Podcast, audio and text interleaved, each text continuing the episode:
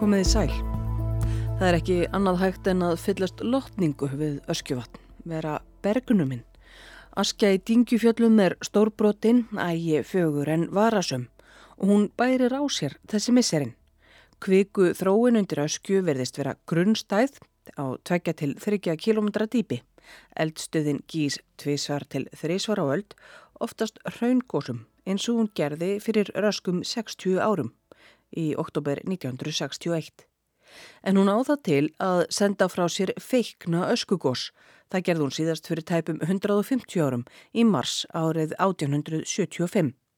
Jærðvísinda menn hafa mæltar talsvert í jarðreis undarfærið 1,5 ár og nú verðist vatnið vera farið að bræða af sér ísinn. Það er að hitna í kólunum, hvað sem það nú merkir. Ég heiti Ragnhildur Torlasjus og í þetta helst í dag fjöllum við um ösku og stóru vökina sem þar hefur myndast. Sæl. Sælurstu. Þá vorum við komin á réttu línu. Þá vorum við komin á réttu línu. Árumann Höskuldsson. Það er hvað? Náttúrurannsóknastofa í eldfjallafræði og náttúruvá við Háskóli Íslands. Já. Þú ert eitthvað sem stýrir því og þið byrtuð á Facebook á hvað 50 dags kvöldið Já, myndir af öskjuvatni já, við gerum það. Eða vök kannski fyrst og fremst vök á Já, öskjuvatni. Já, sí- já, hinn einkennilega vög sem er orðið mjög stór. Já. Það hafa byrst vakir áður á öskjuvatni en þessi er svolítið stækkandi eða þessi er svolítið öðruvísar ekki.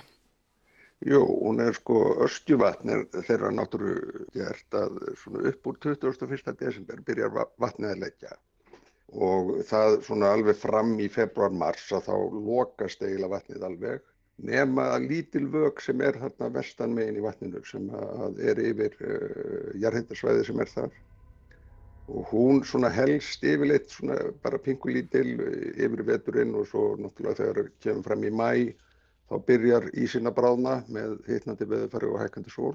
En uh, núna tókum við eftir því í, sem sagt, í janúar, þar semst uh, gerfinhetni þeir sjá illa niður til okkar sko bara út af því dagurinn svo stuttur og svo eru fyrstu myndirnir að koma inn þarna í, í loki janúar og, og þá er allt með hefðbundum hætti þessi vögvestan í vatninu er bara að minka og vatnið er bara að klára að, að frjósi yfir.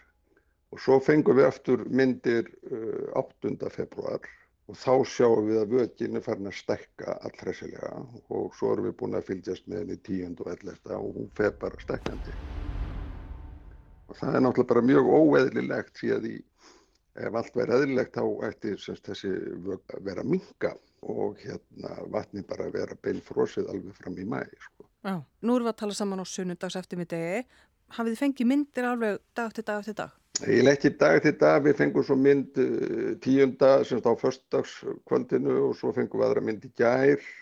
Og við sjáum svona til samanburðar að, að þá er sko, þá er uh, stærðin á sko litlu vöginni, þá er hún 10 hektarar. Og svo þegar við fáum næstu myndir áttunda þá er vögin konum í 124 hektarar sko að flatamáli Já, vá. og svo tíunda þá er hún komin í 155 hektara Já. og svo einun degi frá tíunda til 11 þá er hún komin upp í 205 hektara þannig að hún vex mjög hratt þessa dagana sko. Og uh, ég meina, ok, þannig er jarðhuti undir. Það er eitthvað að gerast.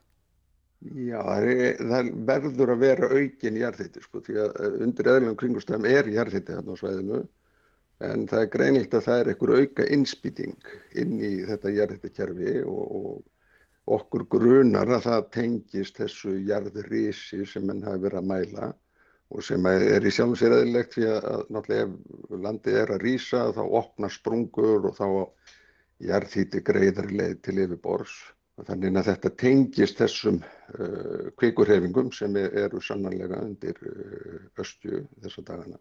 Og þetta er í raun og veru á mjög svipuðu svæði.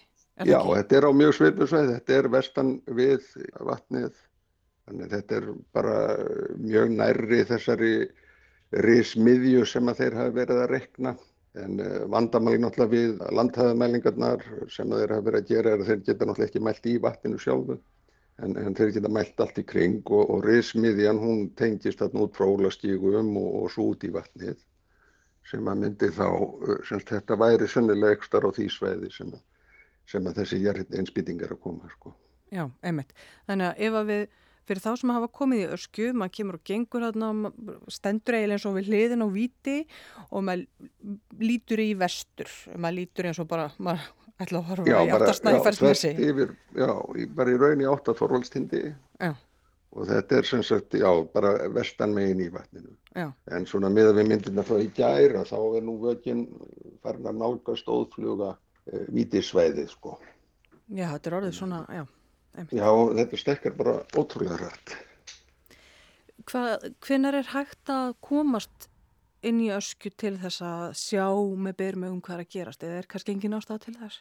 Nei, það sjálfum sér, sko, það sem væri áhugavert að gera er að uh, koma bauðum fyrir í vatninu með svist, lengju af hittamælum, þannig að þá sjáum við svona hittabreitingar sem, eiga sér stað í vatninu sem við ættum að sjá, sko, og sérstaklega ef það tegja sér nýður en, en Astja er náttúrulega gríðarlega stórt uh, stöðuvatn og, og þannig að það verður náttúrulega stað, fer strax að staði yðurstreymi sem að hrærir þá saman kaldavatni við heita vatni er, eða vatni sem er að hitna upp sko.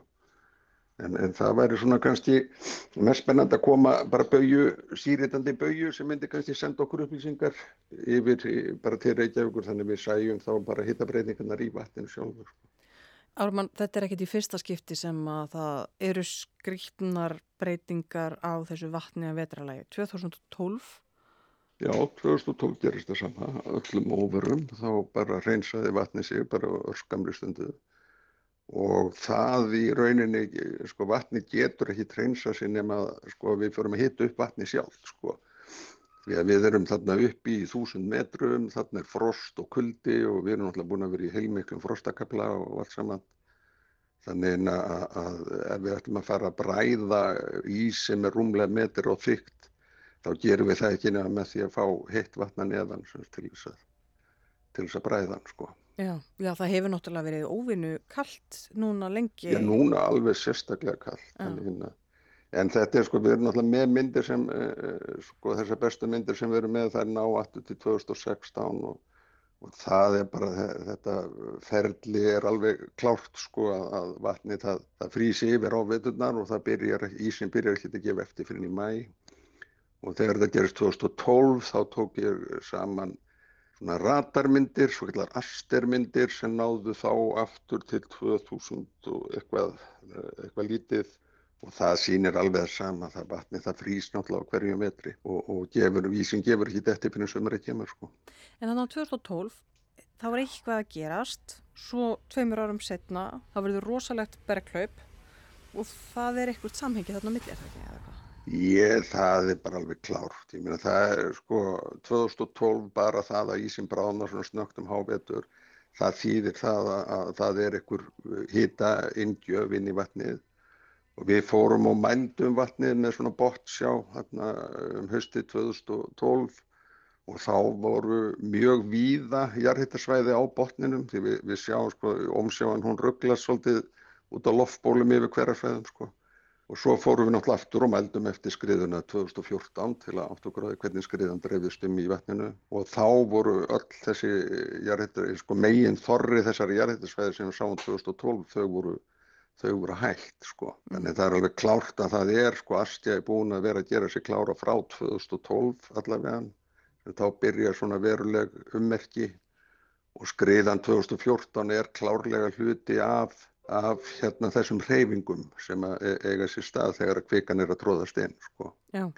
Og svo vitum við líka þar sem stöður að berast niðurstöðu frá rannsóknarhóp í Cambridge sem hefur verið með neta stjáltamælum til þess að mæla reyna að sjá hvernig eh, kvikan dreifi sér í skorpunni þarna á Norðurlandi og í kringum östju og allt það og, og þeir telja sér klárlega að sjá ummerki um kviku á mjög grönt sko í undir östju, já, einhverju svona 30 km típi max og þeir áætla það að það sé eitthvað starfnbylinu 10 til 100 rúmkilometrar sem er ansið mikið sko. Ef það er kvika sem liggur þarna niðri þá er hún vantalorðin eitthvað þróaðri, segari, súrari og þá gengur svolítið ver fyrir basaltið að koma sér upp á yfirbor sko, því það, það er eðlist yngra heldur um súrabergið og þá byrjar þá að sapnast undir súraberginu og auka þrýstingin þannig allt lifti sér og hita upp sem súru kvikuna sem er hérna niðri sem er kannski ekki, ekki svona eldgóðs eins og við myndum vilja sjá. Hérna komum við eiginlega að því að það hafa orðið lítil og snirtileg gós í öskju ekki satt, svona eins og var hérna kringum 1960 Já. Svo geta sko, komið skelvilega gós Já, sko eftir hrinuna 1875 þá fór mikil hrina í gang mikil gleðnuna hrina á, á kjærfinatna fyrir norðan Rúmri viku fyrir jól fór að bera á jarðskjáltum í Mývasveit og fóru þeir smá vaksandi Ekki voru kipinni langir og harðir en svo tíðir að ekki var tölu á komið brakaði mikið í húsum í stæðstu kipunum og allt hrínlaði sem löst var. Annan janúar bar mest á þessu. Þá var jarðskjálti allan daginn. Jarðskjáltar þessir fundust mest upp til dala og fjalla, til dæmis á Möðrudal á fjöllum og minna í útsveitum. 3. janúar byrjuðu Dingufjöll að gjósa og síðan kom upp eldur í Sveinagjá á Mývasöðrafum. Og það endaði með því að það var náttúrulega innspýtingin í östukerfið og byrjaði á litlum uh, svona basískum eldgóðsum og svo endaði með bara katastrófi í mars þegar að, þegar að súra kvikan kom upp og þá var heilmikið eldgóðs með góðsmökk upp í 30 km hæð og, sendi ösku allaveg til, uh, til Rúslands og reyndi mjög mikil ösku niður í Nóri og Svíðjóð sko. Það er semst ef þið ferði á náttúrugröfasöpt þar að þá þá eru allir með öskuna frá 1875 til sínis að því henni var sapnað annars vegar í, í Nóri og hins vegar í, í Svíþjóð. Sko. Já, emitt. Hún sást á, á jekkafötum í Stokkólmi, var það ekki? Jú, nákvæmlega, þetta var bara heilmikið öskufall, en það var þetta svakalega stórt og mikið elgós og, og náttúrulega mikið af Östurlandi og sérstaklega heiðabílum lögðust af og mikið af fólki flutti náttúrulega til Ameríku í kjölfarið. Og þetta er svona kannski það elgóð sem við vildum síður sjá en, en kosturinn er kannski að þetta er lengst inn á háfjöllum. Þannig að það býr engin í næsta nágrinni sem alltaf fer vest út úr svona, svona stórum sprengjukosum sko. Ég er ekkert að beða þig um að spá fyrir einhverjum hörmungum en þið líst ekkert sérstaklega vel á það sem er í gangi þarna undir núna Nei, þetta er svona, þú veist, þetta getur bara orðið þægilegt og fallegt túristagós ef við fáum eitthvað bara svona lítið basíst eh, gós eins og 61 eða eins og mývetningagósið eða bátsfröynið og það eldgóð sem getur staðið yfir í einhverja vikur mánuði. Það er svona verra ef að rétt reynist eh, þessar niðurstöður þeirra í Cambridge að það sé kvika þegar undir og það þýðir alltaf að Þá er hún búin að koma sér fyrir, fyrir svolítið síðan og þá nær hún að súrna, þá verður hún aðeins svona leiðilegri og sprengi virkari og það þýðir að getur komið mikið af svona fín ríki sem leggur yfir landinu í svona tíma. Komið til með að fá myndir áfram, ferða eftir er veðrið, já, veðrið sem stjórna því fyrst og fremst En við erum með alveg bæði með hérna þá hjá NASA sem senda okkur myndir reglulega og eins frá gegnfærastofnum Evrópu sem eru tvö mismundi tungl og fara yfir á mismundi tíma. Þannig að svo lengi sem að stíin er ekki fyrir þá sjáum við niður og getum fylgst náðu með. Við vorum bara heppin þarna tíund og ellefta því að það var nú ekki stjæmtilt veður en, en það mynduðist bara gluggar sko út af söðvestanóttinu þegar hún fer yfir jökulina þá tekur hún svolítið að braka hann úr og það myndur svona gött þannig við sáum ofan á. Sko. Þannig að það er svona bara aðeins happaglappa hvenar þið fáið myndir en hversu vel er hægt að fylgjast með af því að þið, þið segið þarna í þessari Facebook-fæslu á 50 daginn, nú þarf að fylgjast með, vel með á næstu dögum, hversu vel er hægt að fylgjast með næstu? Já sko við erum náttúrulega með stjáltanett veðustofanar sem er hansi svona örugt til þess að láta okkur vita ef það er stutt í veldgós og svo eru náttúrulega síritandi mælar og, og frá veðustofun líka í svona GPS-mælar sem sína landrisið. Mm -hmm. Þannig að við erum svona, sjáum það þokkalega en, en til þess að geta séð bræðslun og ísnum að þá erum við náttúrulega algjörlega bundin bundin gerfinöttunum og eins náttúrulega komum við til með að sjá núna sérstaklega því að það er alltaf ekki við snjó að ef að eh, snjórin byrjar að bráðna utanversin sko, sem er þá líka vísbendingum um það að kvika frá að koma hansi nálægt yfirborðið sko. Heldur það sé, bara svona alveg grínlegast, heldur það sé eitthvað svoleiðis að fara að gerast nú næstunni eða? Já, ég meina það getur alveg tekið ykkur ára en þá en, en er sko, þetta eru svo mikla reyfingar að það er ekkit ólíklegt að það er endi með elgósi sko. Að hún hefur ekkit sko, hún hefur ekki verið neinu stór, stórraðum síðan 1875 og verið svona reglulega með litlar spýjur alveg eftir uh, sirpuna sem hún tók þarna 1875 Þannig að það er svo sem ekkit óeðlilegt að þetta endi með einhverju eldgósi sko og, og vonandi bara litlu sætu eldgósi eins og við erum búin að vera svona meir og minna með undan fyrir tvö ára allavega. En það er betra að hafa allan varan á og við erum náttúrulega komið inn í sumarið og þá er mikið að ferða með um á hálfundinu og fleira og þá, þá verður náttúrulega viðburun alvarlegri í sjálfum sér sko. En við ætlum nú að geta að fara að eðilegja öskjuvatn. Nei, það er eitthvað er þá stekkar það bara. Fallegasti, fallegasti staður á landinu. Já, já, það er alveg rétt. Þetta er einn magnaðasti staður sem til er, sko. Þó víðar væri leita. Þó sko. víðar væri leita. Heyrðu, Ármann Höskuldsson, takk fyrir þetta, kærlega. Já, takk kærlega, sem leiðis.